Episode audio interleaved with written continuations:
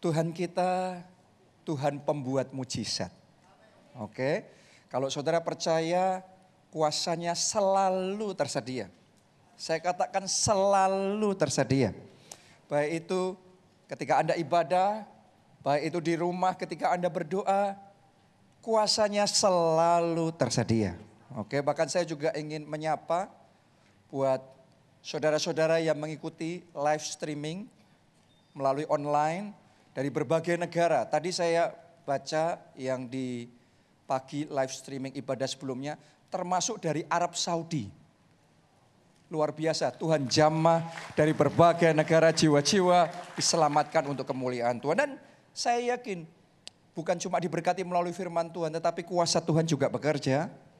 Kesembuhan-kesembuhan juga terjadi. Amin. Nah, saat ini saudaraku, saya ingin membagikan satu firman Tuhan. Judulnya adalah The Miracle of Inner Healing. Atau mujizat kesembuhan batin untuk jiwa kita. Mari kita baca di dalam 2 Korintus 5 ayat yang ke-17. Ditulis begini. Jadi siapa yang ada di dalam Kristus.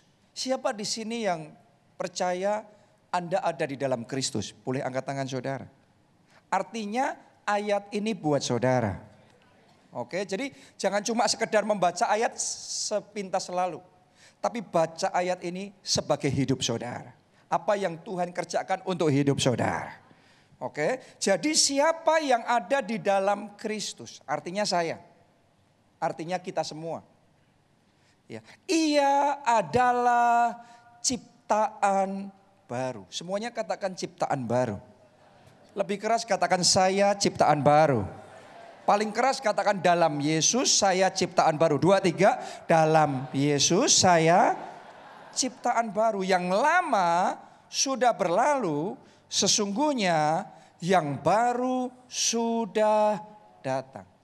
Nah, jadi ini adalah karya pembaharuan Tuhan yang Dia kerjakan untuk hidup kita. Waktu saudara dan saya menerima Yesus sebagai Tuhan dan Juru Selamat, kita ngalami yang namanya lahir baru. Oke, artinya roh kita dibaharui. Itu yang Tuhan kerjakan. Karya pembaruan ciptaan baru. Bukan cuma roh kita, tapi tubuh kita juga dibaharui. Makanya khotbah sepanjang tahun ini mujizat kesembuhan ilahi. Itu bagian dari pembaharuan tubuh yang Tuhan kerjakan. Ya kemarin ada kesaksian orang yang ginjalnya sudah rusak, levernya sudah rusak, sudah parah. Tapi percaya di dalam Yesus aku ciptaan baru dikasih ginjal baru, dikasih lever baru. Anda percaya, terima juga organ yang baru dari Tuhan. Amin. Jadi ini karya pembaharuan Tuhan, dibaharui. Bukan cuma secara kesehatan, keuangannya dibaharui juga. Pekerjaannya diberkati. Jadi ada pembaharuan di dalam kehidupannya. Tapi yang saya percaya pembaharuan yang Tuhan kerjakan itu pembaharuan total. Bukan cuma secara roh, bukan cuma secara tubuh, tapi yang secara spesifik saya mau bagikan sama saudara hari ini adalah pembaharuan dalam jiwa kita. Oke, karena banyak orang yang jiwanya terluka. Banyak orang yang bahkan jiwanya remuk. Jadi hari ini mari kita buka hati lebar-lebar supaya Tuhan bekerja dalam hidup kita dan jiwa kita dibaharui. Makanya disebut The miracle of inner healing. Mujizat kesembuhan batin. Kenapa? Karena untuk luka-luka tertentu yang terjadi di dalam jiwa kita masih bisa secara manusia untuk disembuhkan. Oke, tapi ada kerusakan tertentu di dalam jiwa manusia yang hanya Tuhan bisa sembuhkan.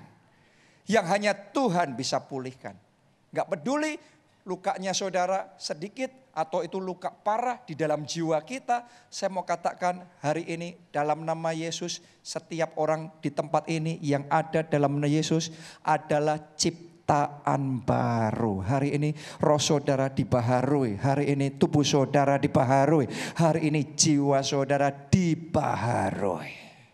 Amin. Jadi mari buka hati kita terhadap karya Tuhan ini. Nah sekarang lima ciri jiwa yang terluka. Ya, sementara saya bagikan, kita bisa evaluasi. Ada enggak dari lima ciri jiwa yang terluka ini kita rasakan dan kita alami dalam kehidupan kita. Nomor satu, sering mengalami ketakutan, keraguan, dan kekhawatiran. Nah orang itu wajar ada takutnya, ada khawatirnya. Tapi ada orang-orang yang selalu dicekam dengan ketakutan. Jadi hidupnya didominasi dengan semua pemikiran-pemikiran yang menakutkan, yang mengkhawatirkan, selalu ragu, selalu bimbang, selalu takut, selalu khawatir. Saya mau ngomong sama saudara, itu adalah salah satu ciri jiwa yang sedang terluka. Ya. Ada orang karena mengalami kegagalan terus-menerus di dalam pekerjaannya, di dalam bisnisnya dan karena mengalami kegagalan pasti ada akibatnya, ada konsekuensinya. Akhirnya harus berurusan dengan debt collector, akhirnya harus berurusan dengan banyak pihak, akhirnya harus dimarahi, akhirnya keluarganya menanggung kesulitan dan berbagai macam hal yang tidak menyenangkan. Nah itu menjadi satu trauma. Besok lagi dia mau memulai sesuatu yang baru, belum mulai aja sudah pikiran yang menguasai ketakutan. Hatinya sudah dicekam dengan ketakutan. Nanti kalau sampai gagal lagi gimana? Kalau rugi lagi, kalau habis lagi, kalau ini dan kalau itu.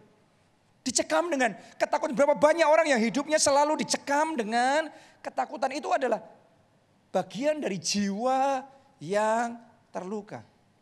Oke, ada orang yang takut mati. Ada orang yang selalu takut kalau kecelakaan, takut kalau sakit, takut kalau semua serba ketakutan. Baca berita apa sedikit takut. Ya, takut nanti kalau krisis, takut kalau sampai terjadi kerusuhan, takut selalu takut pokok mikirnya selalu takut apa pun yang terjadi, berita apa pun yang ditangkap yang negatif sehingga tegang, sehingga takut, khawatir. Ada juga orang yang sejak dari kecil oleh orang tuanya mungkin ya supaya cepat tidur waktu masih kecil ditakut-takutin sama setan ya supaya cepat tidur. Tapi saya mau katakan sama sudah, kayaknya buat orang tuanya cuma nakut-nakutin. Tapi sebenarnya banyak orang yang seperti itu sampai dewasa pun masih takut setan. Saya mau ngomong begini sama itu tidak wajar. Karena kita katakan roh di dalam kita lebih besar dari semua roh yang ada di dunia. Roh kudus bersama saudara, kita tidak takut dengan roh apa pun di dunia. Amin. Tapi banyak orang Kristen masih dicekam dengan ketakutan. Saya mau ngomong sama saudara, itu bagian dari jiwa yang terluka.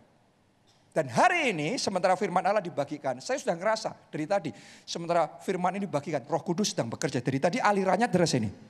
Airannya deras ini. Saya tahu sementara firman Allah dibagikan roh ketakutan yang ada dalam hati saudara dilenyapkan saat ini dalam nama Yesus. Alkitab ngomong Tuhan tidak pernah memberikan kepada kita roh ketakutan. Yang Tuhan berikan adalah roh yang membangkitkan kekuatan, kasih, dan ketertiban. Mulai hari saya berdoa semua ketakutan dihancurkan. Mulai hari Anda tidak lagi hidup dalam ketakutan. Tidak lagi hidup di dalam keraguan tidak lagi hidup dalam kekhawatiran. Mulai hari ini setiap jemaat di tempat ini hidup dengan iman.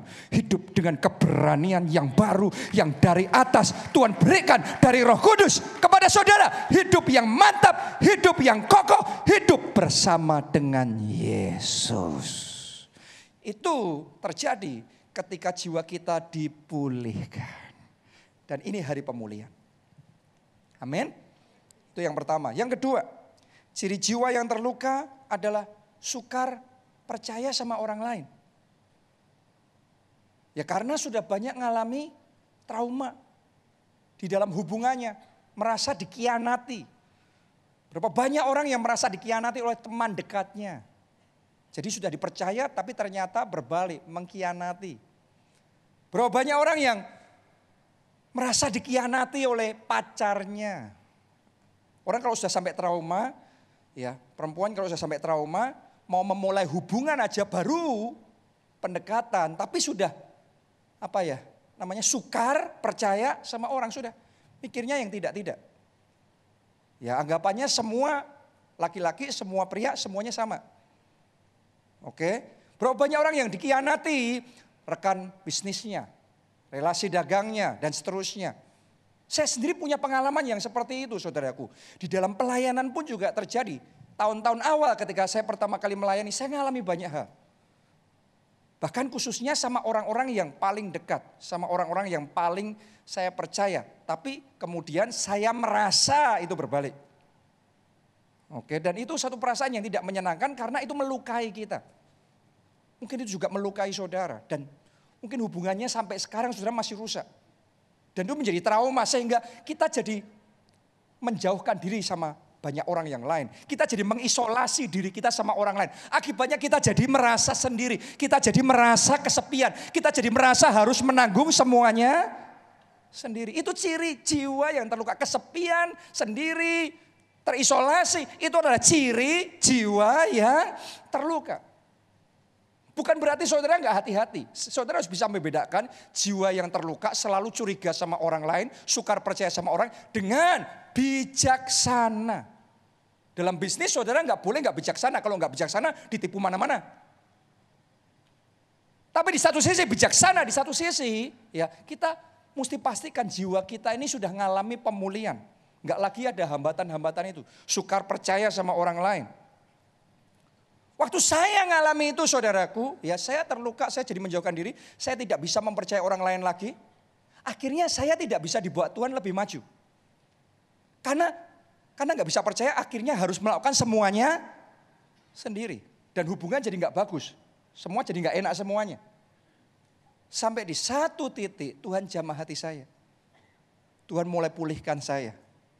Dan saya mulai bisa memberikan kepercayaan sama orang lain lagi. Kalau Anda tanya sama orang-orang yang dekat sama saya, maka saudara akan ngerti saya sekarang sangat leluasa memberikan kepercayaan kepada orang. Banyak orang, bahkan saya tadinya di Jogja, terus sekarang saya sudah pindah di Jakarta, gereja kita di Jogja, gereja kita di berbagai kota yang lain, saya percayakan kepada semua tim pelayanan yang ada dan semuanya tambah maju, semuanya tambah berkembang. Itu semua tidak akan terjadi kalau jiwa saya belum dipulihkan. Dengan kata lain, kalau jiwa saya tidak dipulihkan, itu akan menghambat kemajuan pekerjaan Tuhan.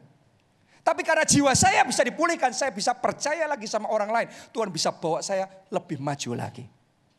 Saya berdoa mulai hari ini jiwa yang terluka di dalam hidup kita dipulihkan dan rencana Allah yang besar digenapi, Anda dibawa Tuhan maju dalam perkara yang lebih besar, yang lebih luar biasa bersama dengan Tuhan. Tepuk tangannya pula yang paling meriah buat Tuhan kita. Amin. Yang ketiga sekarang, ciri jiwa yang terluka adalah menjadi pribadi yang sangat sensitif. Apakah saudara punya teman-teman yang sensitif sekali, gampang sekali tersinggung, gampang sekali marah, emosional dan cepat sekali untuk lepas kendali? Atau mungkin saudara merasakan saudara sendiri juga kayak gitu, rasanya menguasai diri pun gak gampang. Wah lepas kendali terus, lepas kendali terus. Ya ibaratnya gini, gak ada angin, gak ada hujan tiba-tiba aja gitu. Ya. Kalau cuaca harusnya kalau mau hujan itu kan mendung dulu, terus tambah gelap, terus kemudian nanti gerimis tambah deras. Nah ini ibaratnya cuaca terang benderang, panas terik matahari, nggak ada apa-apa, langsung hujan deras. Langsung banjir bila perlu. Oke, ada nggak orang-orang yang hahihi hahihi ngobrol sama kita, happy-happy semuanya. Eh, atas satu hal kecil yang kita aja nggak kepikir. Tapi dia bisa meledak-ledak marah, tersinggung, kecewa, lepas kendali. Benar apa tidak? Terjadi begitu saja. Hal yang seharusnya sepele, hal yang seharusnya kecil buat yang lainnya ngapain sih? Gak ada masalah apa-apa. Tapi untuk orang yang sensitif itu bisa jadi perkara yang sangat besar. Nah saya mau ngomong begini sama saudara. Kalau saudara ketemu sama orang seperti itu, kadang-kadang kita ini terpancing ikut jengkel, ikut marah, ikut emosi. Tapi mulai hari ini kita harus menyadari sebenarnya kita berhadapan sama jiwa yang sedang terluka. Mereka sendiri juga nggak seneng jadi kayak gitu. Gak ada orang yang punya visi, visinya jadi pribadi yang sensitif. Gak ada kan? Mereka sendiri setelah marah-marah, terus reda, setelah itu nyesel enggak? Dalam hati kecilnya pasti pasti nyesel, enggak enak. Jadi ngalami kayak gitu enggak, tapi mereka enggak bisa mengendalikan diri sendiri. Saudara kalau sampai jadi terluka seperti mereka, saudara juga sama. Kita tidak bisa mengendalikan diri sendiri. Jadi super sensitif. Nah hari ini saudaraku, saya percaya karya pembaruan Tuhan sanggup membaharui hidup saudara. Secara manusia orang ngomong begini, kalau sudah sampai di titik tertentu, nggak mungkin orang model kayak gitu bisa berubah. Benar apa tidak? Secara manusia tidak mungkin bisa berubah. Tapi hari ini saya deklarasikan, barang siapa di dalam Kristus, ia adalah ciptaan baru. Yang lama sudah berlalu dan yang baru sudah datang. Tuhan sanggup menjamah saudara. Tuhan sanggup memulihkan saudara. Tuhan sanggup membaharui saudara. Dan orang yang seperti itu saya melihat ada orang-orang yang sudah dipulihkan jadinya lebih rileks. Walaupun tadinya terluka, tapi kalau sudah dipulihkan sekarang lebih rileks. Hal yang sama yang tadinya membuat dia begitu emosi, bisa tersinggung. Sekarang dia bisa ketawa, santai aja.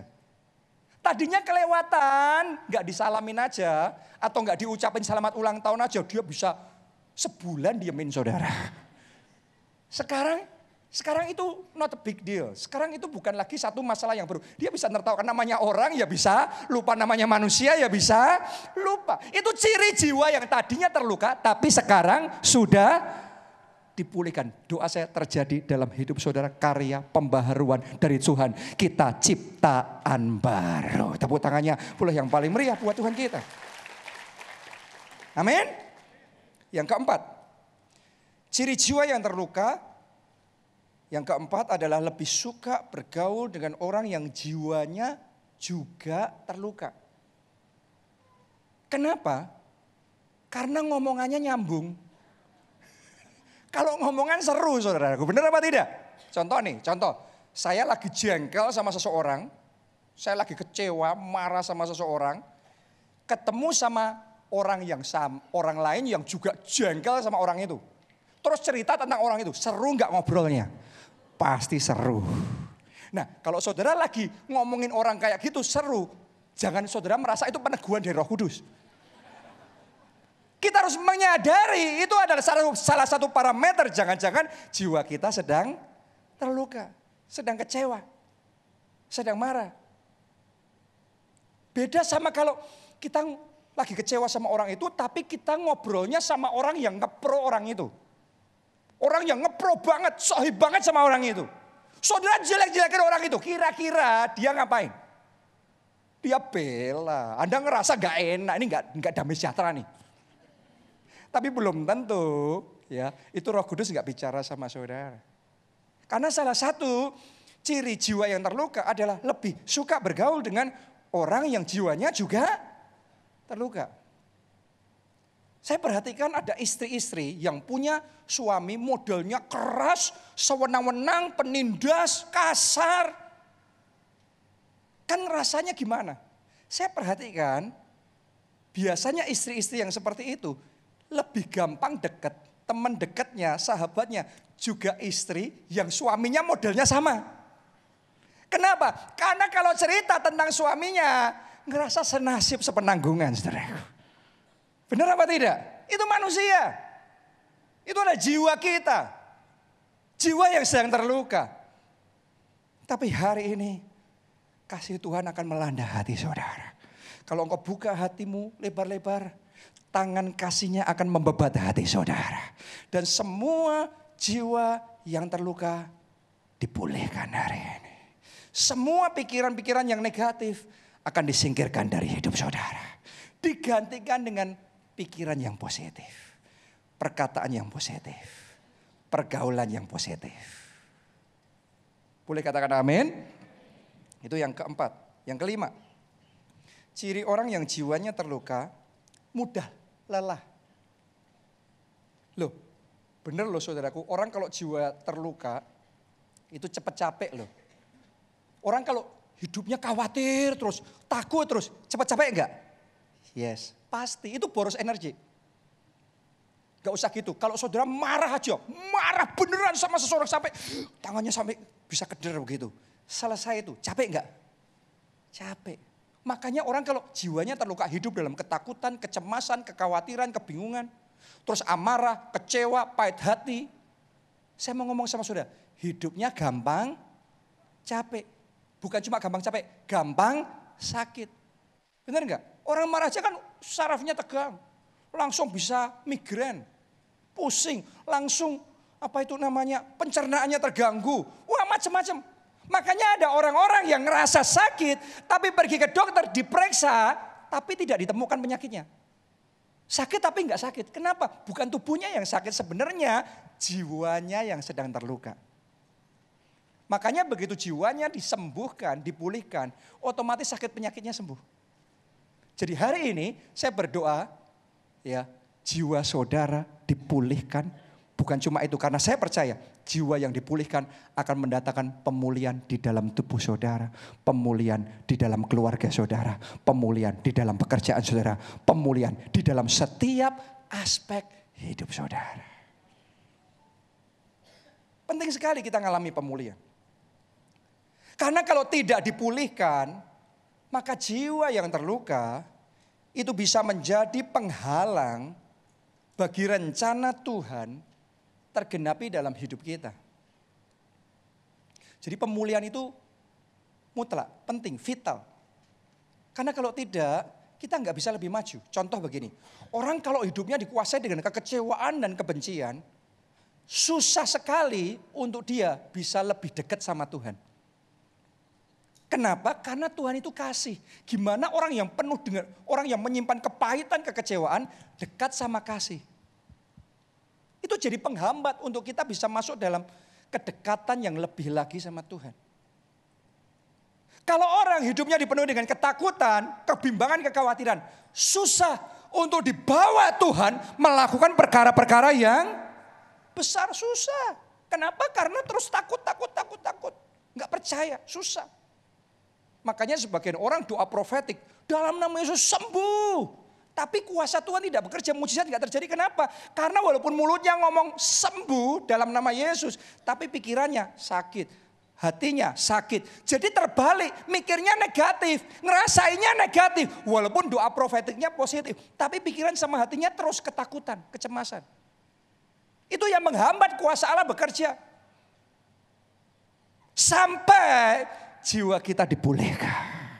Dan ketakutan, keraguan, kebimbangan dilenyapkan dari hidup kita.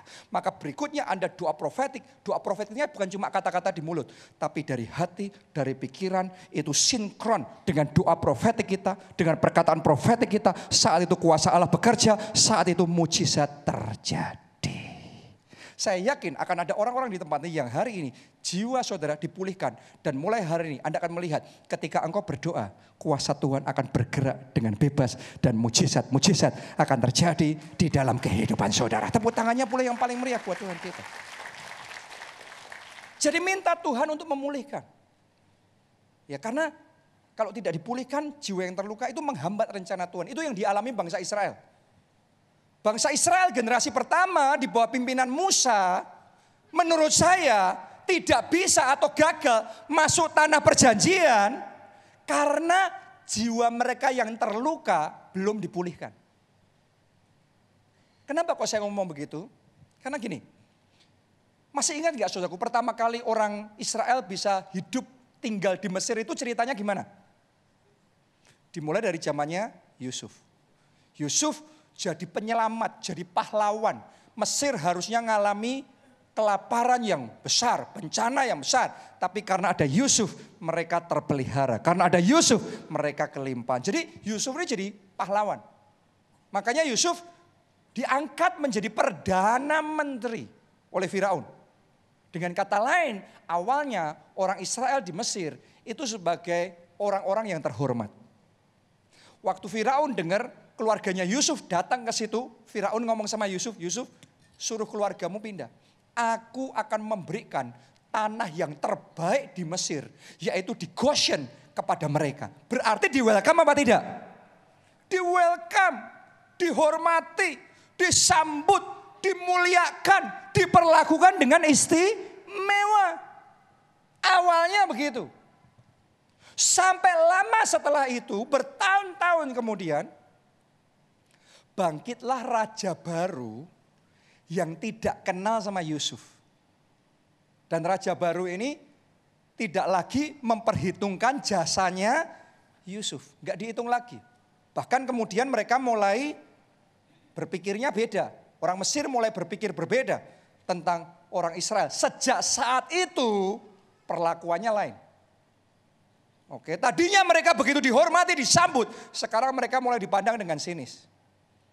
Tadinya akses terbuka buat mereka, sekarang akses mulai tertutup. Tadinya mereka begitu disambut dan dipermuliakan, sekarang mulai dilecehkan. Bahkan sampai di satu titik, secara terang-terangan, bangsa Israel diperbudak dengan paksa, suruh kerja paksa oleh bangsa Mesir. Benar apa tidak? Berarti begini, dalam perjalanan itu orang yang terhormat, orang yang luar biasa, keluarga yang hebat ini saudaraku, ini ngalami pelecehan, ngalami penolakan, ngalami ketidakadilan, ngalami pembunuhan, anak-anak mereka, bayi-bayinya orang Israel dibunuhin semuanya, ya. Itu mereka ngalami kejadian yang sangat traumatik. Sangat menakutkan. Dan karena itu jiwa mereka terluka. Kenapa kok saya ngomong jiwa mereka terluka? Coba anda renungkan. Waktu Tuhan mulai bekerja di tengah-tengah mereka, Tuhan utus Musa untuk membebaskan mereka keluar dari Mesir. Dalam perjalanan mereka keluar dari Mesir, menuju ke tanah perjanjian, Tuhan mau bawa mereka masuk tanah perjanjian. Tapi di perjalanan itu, mereka saudaraku, sukar untuk percaya sama Tuhan. Mereka sukar untuk percaya sama Musa. Mereka selalu ada di dalam ketakutan. Selalu ada dalam kebimbangan dan kekhawatiran. Padahal Tuhan menyertai mereka dan Tuhan berjanji, aku akan menyertai dan aku akan membawa kamu masuk ke tanah perjanjian. Dan waktu itu hebatnya begini. Di tengah-tengah mereka, Tuhan itu pada waktu itu menampakkan dirinya seperti tiang awan dan tiang api yang kelihatan dengan mata jasmani. Saya mau tanya sama saudara, kalau seandainya dalam hidup saudara anda setiap saat bisa melihat tiang awan, tiang api. Dan itu Tuhan yang bersama saudara. Anda takut apa? Berani. Anda berani nggak melangkah dengan iman? Disuruh apa pun berani apa tidak? Yes. Tapi bangsa Israel bahkan melihat tiang awan, tiang api. Mereka ngerti Tuhan bersama dengan mereka. Tetap mereka takut. Tetap mereka bimbang. Kenapa? Karena jiwanya terluka. Mereka berjalan bersama dengan Tuhan, tapi mereka sungut-sungut terus. Mereka ngomel terus, mereka komplain terus, mereka berontak Musa terus, mereka berontak sama-sama Tuhan terus. Itu jiwa yang terluka. Tuhan berfirman sama mereka luar biasa, tapi pikirannya mereka negatif terus. Perkataannya mereka negatif terus. Itu ciri jiwa yang terluka. Dan gara-gara jiwa yang terluka, yang belum dipulihkan itu, akhirnya mereka nggak punya kekuatan yang cukup, nggak punya energi yang cukup. Karena boros energi jiwa yang terluka tadi. Sehingga mereka gagal masuk tanah perjanjian. Dengan kata lain begini, sekalipun secara jasmani mereka bisa keluar dari Mesir, tetapi dalam hati mereka Mesir tetap ada. Jiwa yang terluka tetap di situ. Mereka tidak bisa masuk ke tanah perjanjian. Dengan kata lain, jiwa yang terluka dalam hati kita, dalam hati saudara. Kalau itu enggak dipulihkan, itu menghalangi kita maju bersama Tuhan. Tuhan mau bawa saudara mengalami mujizat, perkara besar. Tapi mau dibawa maju, isinya takut terus. Isinya khawatir terus. Enggak bisa. Jadi hari ini saya berdoa pemulihan terjadi dalam hidup saudara. Pemulihan terjadi dalam jiwa saudara. Mulai hari ini ketakutan, kebimbangan, kekhawatiran dilenyapkan dari hati saudara. Mulai hari Anda hidup di dalam iman. Anda hidup di dalam keberanian. Anda hidup mantap bersama dengan roh kudus. Tepuk tangannya pula yang paling meriah. Sampai rencana Tuhan tergenapi di dalam hidup kita. Amin. Karena saya tahu banyak jiwa yang terluka akhirnya akan membawa juga luka-luka di dalam keluarga kita. Dalam hubungan kita sama orang tua kita, sama pasangan kita, sama anak-anak kita. Karena jiwa yang terluka melukai orang lain. Orang kalau terluka, kecewanya banyak. Ngomongannya tajam apa tidak? Tajam. Kalau ngomongan tajam orang lain terluka enggak? Terluka juga. Jadi sebenarnya kalau kita dipulihkan, pemulihan kita membawa pemulihan buat pernikahan kita membawa pemulihan buat keluarga kita. Membawa pemulihan buat masa depan kita. Jadi hari ini saya berdoa saudara buka hati dan biar roh kudus bekerja memulihkan jiwa kita. Siapa mau jiwanya dipulihkan? Oke, yang pertama. Kalau kita mau jiwa kita dipulihkan yang pertama. Dimulai dari jujur. Karena kejujuran dan keterbukaan itu awal pemulihan. Kalau saudara merasa, oh saya baik-baik aja kok, fine-fine aja, nggak ada apa-apa, nggak ada apa-apa. Gimana Tuhan mau bekerja? Kita aja nggak butuh. Saya mau ngomong begini sama saudara, siapa pun saudara, termasuk saya, pasti kita semua pernah melalui pengalaman-pengalaman tidak menyenangkan yang bisa menimbulkan luka di dalam jiwa kita. Betul apa tidak? Yes, jadi ngalami luka itu wajar di dalam jiwa kita. Ibaratnya kayak kalau anak kecil belajar jalan, ya Jatuh itu wajar ya biasa. Kalau anak nggak boleh jalan, eh nggak boleh jatuh ya jangan pernah belajar berjalan. Sesederhana kalau jatuh, kalau luka diobatin. Jadi hari ini mari kita jujur di hadapan Tuhan. Hal-hal tertentu mungkin sudah merasakan ada di hati itu selalu gampang emosi terus. Gampang marah, gampang lepas kendali terus. Anda akui itu di hadapan Tuhan. Atau mungkin selalu hidup dalam ketakutan, kecemasan terus. Anda akui di hadapan Tuhan. Atau mungkin ada dendam, ada amarah dalam hati saudara. Mari kita jujur di hadapan Tuhan. Ya, bukan cuma sama Tuhan. Mungkin saudara juga perlu jujur sama orang yang tepat, yang bisa dipercaya. Misalnya sama ketua kelompok sel saudara, KKS. Atau sama konselor di gereja. Ya di gereja kita ini kita punya yang namanya retreat encounter. Nah retreat encounter ini kita memang buat khusus untuk melayani semua jemaat supaya jiwa kita dipulihkan. Ya, dua hari satu malam Anda akan dilayani secara khusus. Setiap peserta punya konselornya sendiri-sendiri. Dua hari satu malam Roh Kudus bekerja menjama memulihkan hidup saudara. Dan begitu banyak orang yang ikut retreat encounter pulang dengan kesaksian yang luar biasa. Jiwanya dipulihkan. Beban hidup yang berat disingkirkan. Dan kemudian dia merasakan ringan hidupnya. Sukacitanya meluap. Kenapa? Karena sudah dipulihkan. Jadi itu yang pertama. Butuh jujur, butuh terbuka. Yang kedua, kalau kita mau dipulihkan, saya ajak saudara belajar datang kepada Tuhan di dalam doa dan minta dipulihkan. Kita baca ya Matius 34 ayat 18 dan 19. Mungkin saya minta pemain musik bisa maju ke depan. Saya bacakan buat saudara. Apabila orang-orang benar itu berseru-seru, maka Tuhan mendengar dan melepaskan mereka dari segala kesesakannya. Doa saya ayat ini hari ini jadi kenyataan dalam hidup saudara. Kelepasan terjadi dalam hidup saudara. Apa pun kesesakan yang kau alami, kelepasan terjadi dalam hidupmu. Kelepasan terjadi di dalam pekerjaan saudara. Kelepasan terjadi dalam keuangan saudara. Kelepasan terjadi dalam tubuh saudara. Dan sekarang kelepasan terjadi dalam jiwa saudara. Ayat yang ke-19. Tuhan itu dekat dengan orang-orang yang patah hati. Dan ia menyelamatkan orang-orang yang remuk jiwanya. Sebenarnya di balik pernikahan yang remuk itu jiwa yang remuk. Di balik keluarga yang hancur itu hati yang hancur. Dimulainya seperti itu. Yang butuh untuk dipulihkan. Itu sebabnya kita semua kita akan ambil waktu beberapa menit ini. Datang sama Tuhan di dalam doa. Dan waktu Anda berdoa, belajar mencurahkan isi hati saudara sama Tuhan. Belajar apa? Mencurahkan isi hati. Banyak orang berpikir kalau doa, begitu doa langsung minta ini, minta itu, minta ini, minta itu. Doa itu bukan cuma isinya minta. Doa itu adalah hubungan pribadi sama Tuhan. Yang namanya hubungan pribadi, ibaratnya saudara punya teman. Kalau saudara punya teman, Anda ngomongannya apa? Urusan cuma minta ini, minta itu atau ada cerita-cerita? Mesti ada cerita-cerita. Ada sharing kehidupan. Jadi kalau saudara merasa kesel, saudara merasa dikhianati, saudara merasa marah, saudara merasa dikecewakan, saudara merasa diperlakukan tidak adil. Hari ini datangnya sama Tuhan.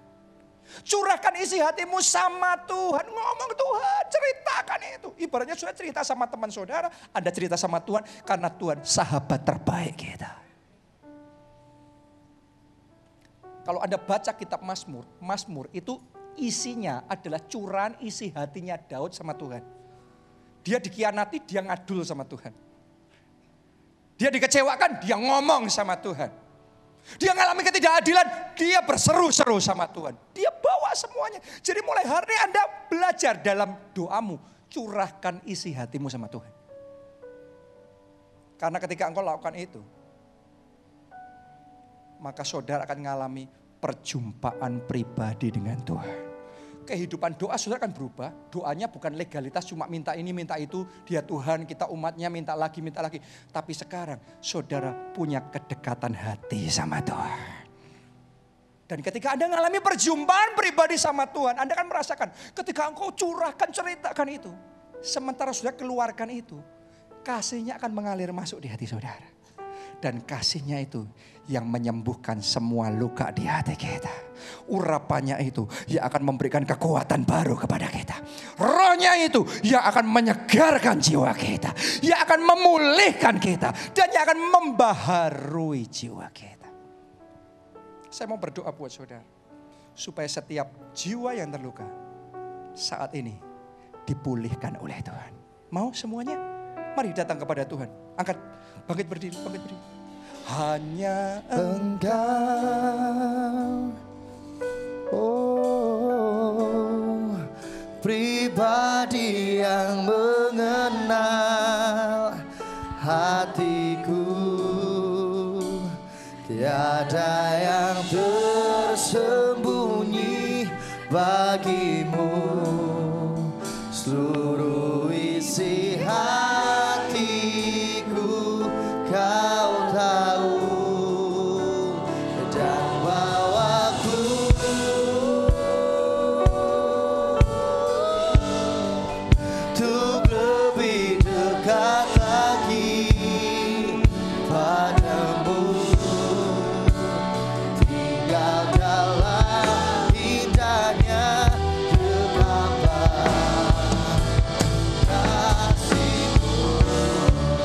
semuanya kita angkat dua tangan kita. Katakan bersama.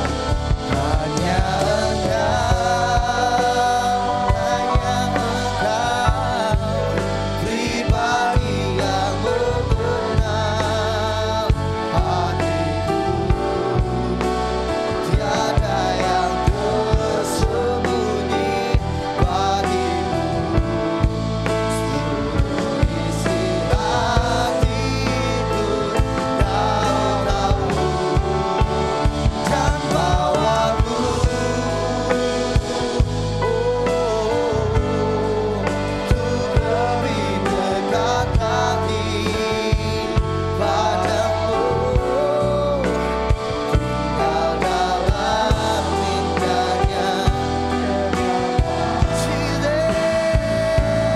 Dari hati yang paling dalam.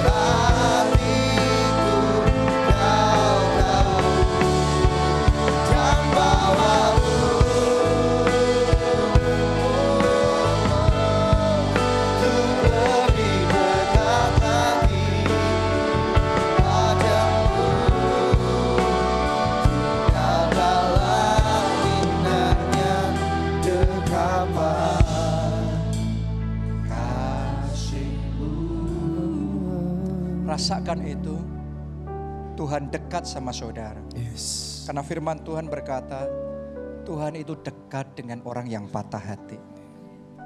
Tuhan itu dekat dengan orang yang remuk jiwanya. Bukan cuma terluka, bahkan sampai remuk jiwanya. Tuhan tidak pandang rendah. Tuhan mau welcome saudara. Yes. Tuhan dekat dengan saudara. Dan saya tahu kasihnya ada di tengah-tengah kita saat ini. Kemarin ada satu jemaat di gereja kita, dia cerita sekian waktu yang lalu hidupnya kacau. Dia bermasalah dengan suaminya, dia bermasalah dengan keluarganya, dia bermasalah sama orang tuanya, dia bermasalah sama banyak orang. Karena sekali lagi jiwa yang terluka kalau belum dipulihkan sering menimbulkan banyak luka juga. Ya kadang-kadang kita berpikir Tuhan pulihkan keluarga saya, Tuhan pulihkan pernikahan saya. Sebenarnya kalau hati kita dipulihkan, jiwa kita dipulihkan, cepat Tuhan memulihkan pernikahan kita, cepat Tuhan memulihkan keluarga kita. Amin. Nah, orang ini saudaraku karena merasa hidupnya sudah hopeless sekali dia secara pekerjaan, secara keuangan dia juga down sekali. Ya, dia jauh dari Tuhan. Tapi puji Tuhan, dia punya adik yang terus memperjuangkan dia untuk kembali sama Tuhan. Dia punya adik yang terus berdoa. Makanya kalau saudara punya keluarga yang jauh dari Tuhan, jangan menyerah, tetap berdoa, tetap berjuang. Amin. Sampai suatu hari adiknya ini datang ke rumahnya dia dan kemudian mendoakan dia. Entah gimana hari itu berbeda. Dia merasa Tuhan jamah. Dia merasa kayak dibangkitkan kembali sama Tuhan. Dan hari itu dia ambil keputusan kembali ke gereja. Sudah lama dia gak ke gereja. Dia kembali lagi beribadah. Bukan cuma itulah, itu saja dia ambil keputusan dibaptis air. Setelah itu dia ikut retreat encounter. Nah itu momennya.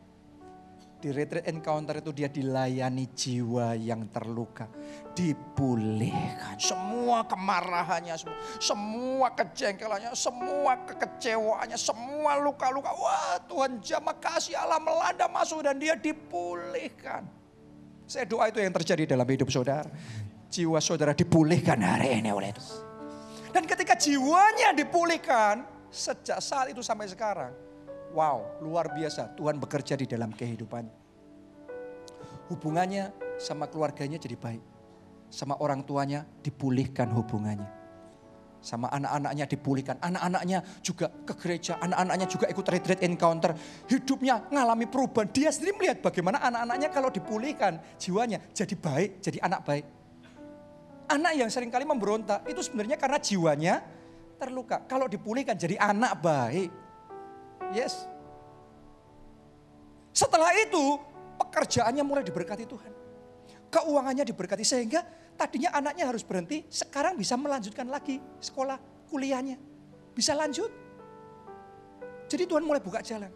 Dan dia bersaksi begini saudaraku, bulan Juni kemarin ketika firman Tuhan mujizat pemulihan keluarga, roh kudus bekerja luar biasa. Suaminya yang sudah lima tahun pergi meninggalkan rumah dan lima tahun itu tidak pernah ketemu sama sekali.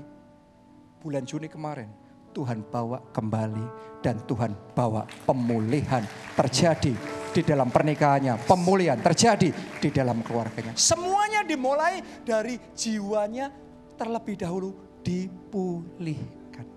Jadi hari ini siapa yang mau Tuhan bekerja menjamah dan memulihkan hati dan jiwa saudara. Mari angkat tangan di hadapan Tuhan. Yes. Mari angkat uh, tangan, dua tangan di hadapan Tuhan. Mari Yes, buka Lord. hati. Mari angkat suara saudara berdoa. Dan mulai belajar menceritakan isi hati saudara sama Tuhan. Semua pengalaman-pengalaman ketidakadilan, penolakan, hal-hal yang jahat yang dilakukan terhadap saudara. Saudara mulai bawa dan ceritakan sama Tuhan orang-orang yang menyakiti saudara, orang-orang yang memperlakukan dan tidak adil, traumatik yang membawa Anda hidup dalam ketakutan, kecemasan, dan kekhawatiran setiap saat. Anda bawa, Anda belajar. Saya berikan waktu. Mari doa, mari ungkapkan isi hatimu sama Tuhan.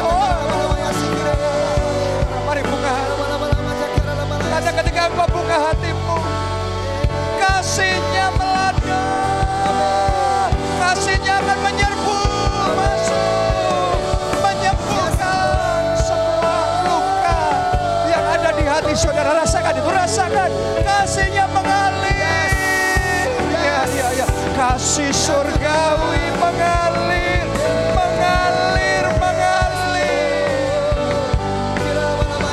Syara wala wala wala wala wala. Semua kekecewaan disembuhkan saat ini dalam nama dalam nama Tuhan Yesus semua hati yang terluka disembuhkan saat ini dalam nama Yesus. Dibeban dengan kasih. Dalam nama Tuhan Yesus. Dalam nama Yesus.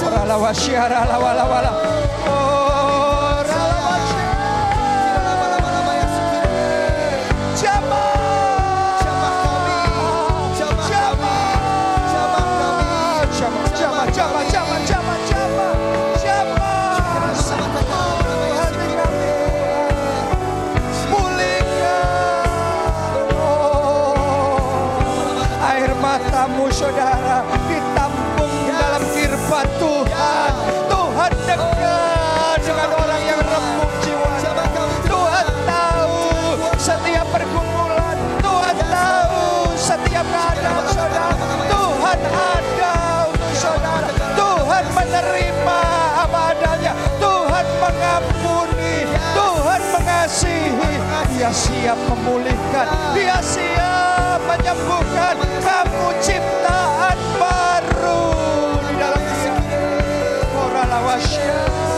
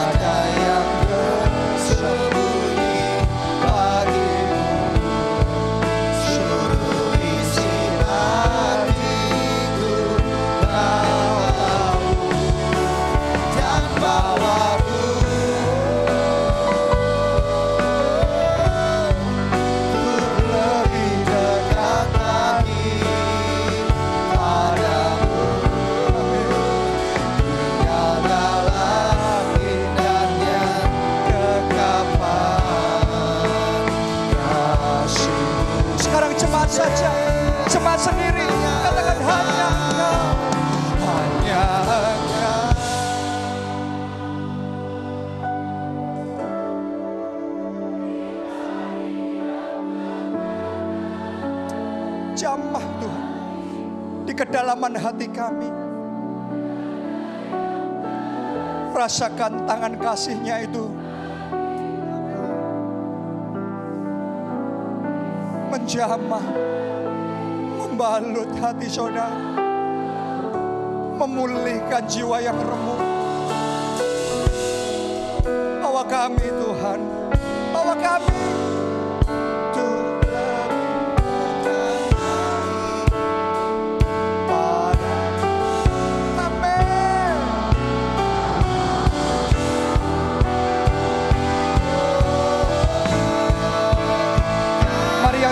gente.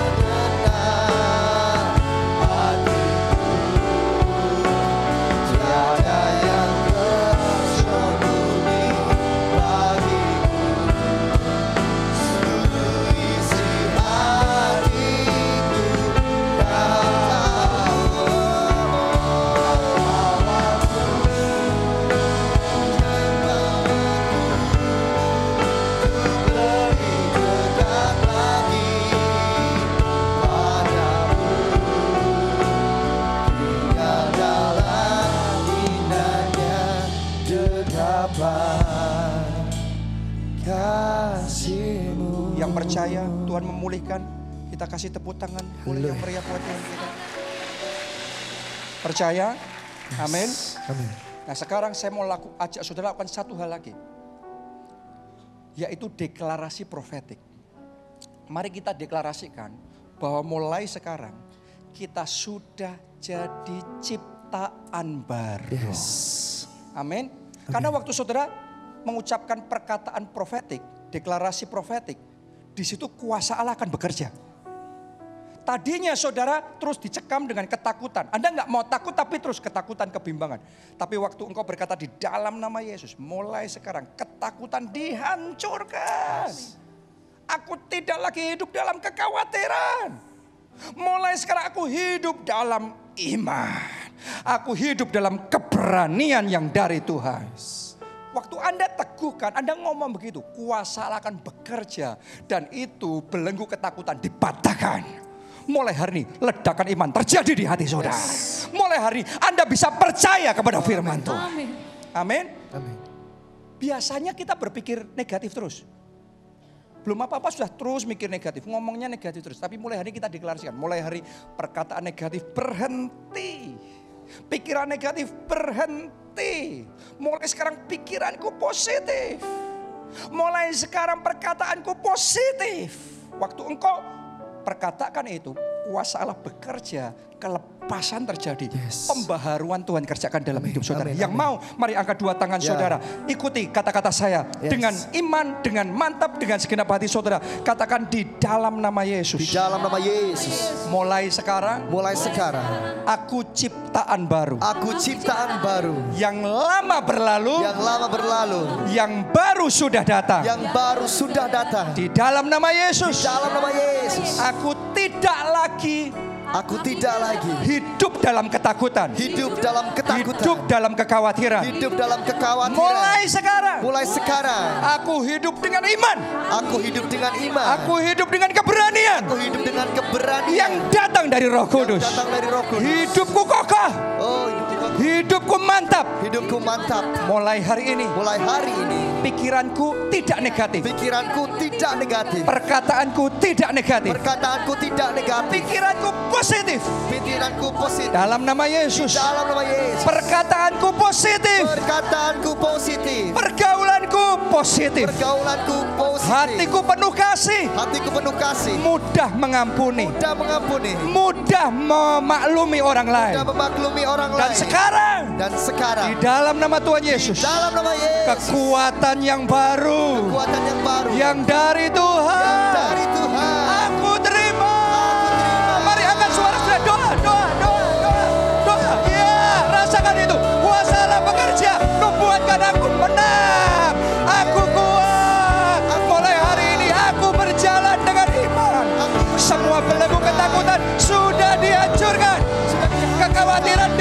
Dihancurkan.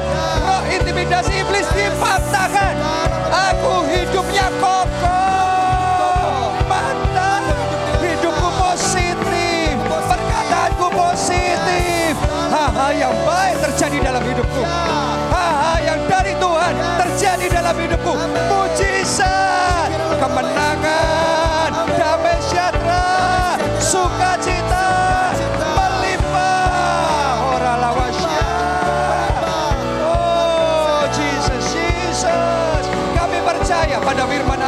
Kami percaya pada janji Tuhan.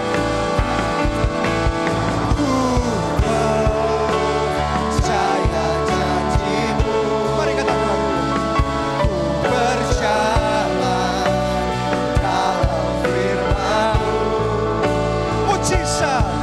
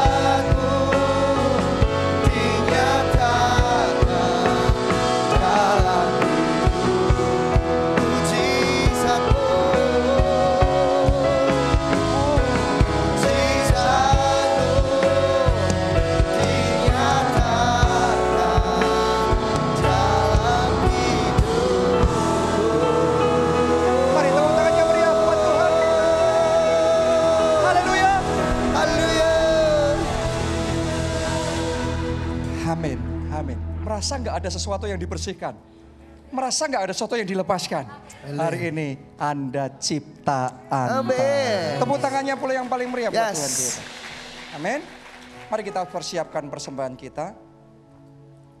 Sebelum saya doa buat persembahan, kemarin ada jemaat yang bersaksi, seorang pengusaha, dia ditipu kanan kiri, dia ngalami banyak hal, kegagalan di dalam bisnis, dalam pekerjaannya, sampai akhirnya habis-habisan. Bukan cuma habis-habisan, dia juga harus menanggung hutang yang besar sekali. Dan situasinya sangat hopeless. Tapi di dalam keadaan yang seperti itu, dia tidak mau jauh dari Tuhan. Dia ambil keputusan semakin mendekat sama Tuhan. Jadi saudara dalam kondisi apa pun, mari ambil keputusan semakin mendekat sama Tuhan. Amin. Ya, dia bahkan terlibat di dalam berbagai pelayanan. Terus waktu di gereja ada tantangan, ayo semakin dekat sama Tuhan, tingkatkan kehidupan doa. Sudah tahu nggak? Dia itu ambil komitmen sendiri, ya dari sejak saat itu sampai sekarang, tiap hari doa 4 jam. Itu ngalahin pendeta saudaraku. Oke, bahkan di dalam satu hari minggu, dia ngambil tiga hari puasa full 24 jam. Wah orang ini luar biasa sekali. Tapi untuk orang yang mencari Tuhannya sungguh-sungguh, Anda akan mengalami kedahsyatan yang daripada Tuhan. Amin. Dia bercerita, Tuhan mulai bekerja April kemarin, dia diterima di perusahaan besar, padahal tidak ada pengalaman sama sekali. Usianya sudah 37 tahun, ya biasanya kan carinya yang jauh lebih muda. Tapi ini diterima dikasih posisi yang bagus. Padahal dia lagi terpuruk. Tapi dikasih posisi yang bagus. Ajaibnya begini, baru dua bulan dia bekerja, baru dua bulan bekerja, ya tanggal 11 Juni kemarin dia dipanggil lagi sama atasannya dan dia dikasih jabatan yang lebih tinggi lagi, promosi yang lebih besar lagi. Dan nggak sampai di situ saja, luar biasa ya, berkat Tuhan itu kalau datang berentetan saudaraku. Jadi yang selama ini berpikir masalah kalau datang berentetan, hari ini berkat Tuhan, mujizat Tuhan datangnya dalam hidupmu berlipat kali, ganda, berbondong-bondong, berkelompok-kelompok datang dalam hidup saudara. Amin. Ya. Terus tiba-tiba baru aja di bulan Juni ini dia dipertemukan sama satu pengusaha. Pengusaha itu bisnisnya eh, mengharuskan untuk setiap bulan ke Malaysia dan tiap tahun minimal lima kali ke China. Ya mungkin saya nggak tahu apa bisnisnya, mungkin ekspor impor begitu. Terus pengusaha itu ketemu sama dia, ngomong sama dia, mulai sekarang setiap kali saya ke Malaysia ke China, kamu ikut saya. Dan dia ikut sama orang ini, saudaraku disuruh bebas milih beli apa saja, dimodalin bisnis dari nggak punya. Sekarang jalan Tuhan bukakan, itu namanya keajaiban. Dan saya mau berdoa supaya keajaiban Tuhan kerjakan juga dalam pekerjaan dan di dalam keuangan saudara. Amin. Mari angkat persembahan saudara di hadapan Tuhan.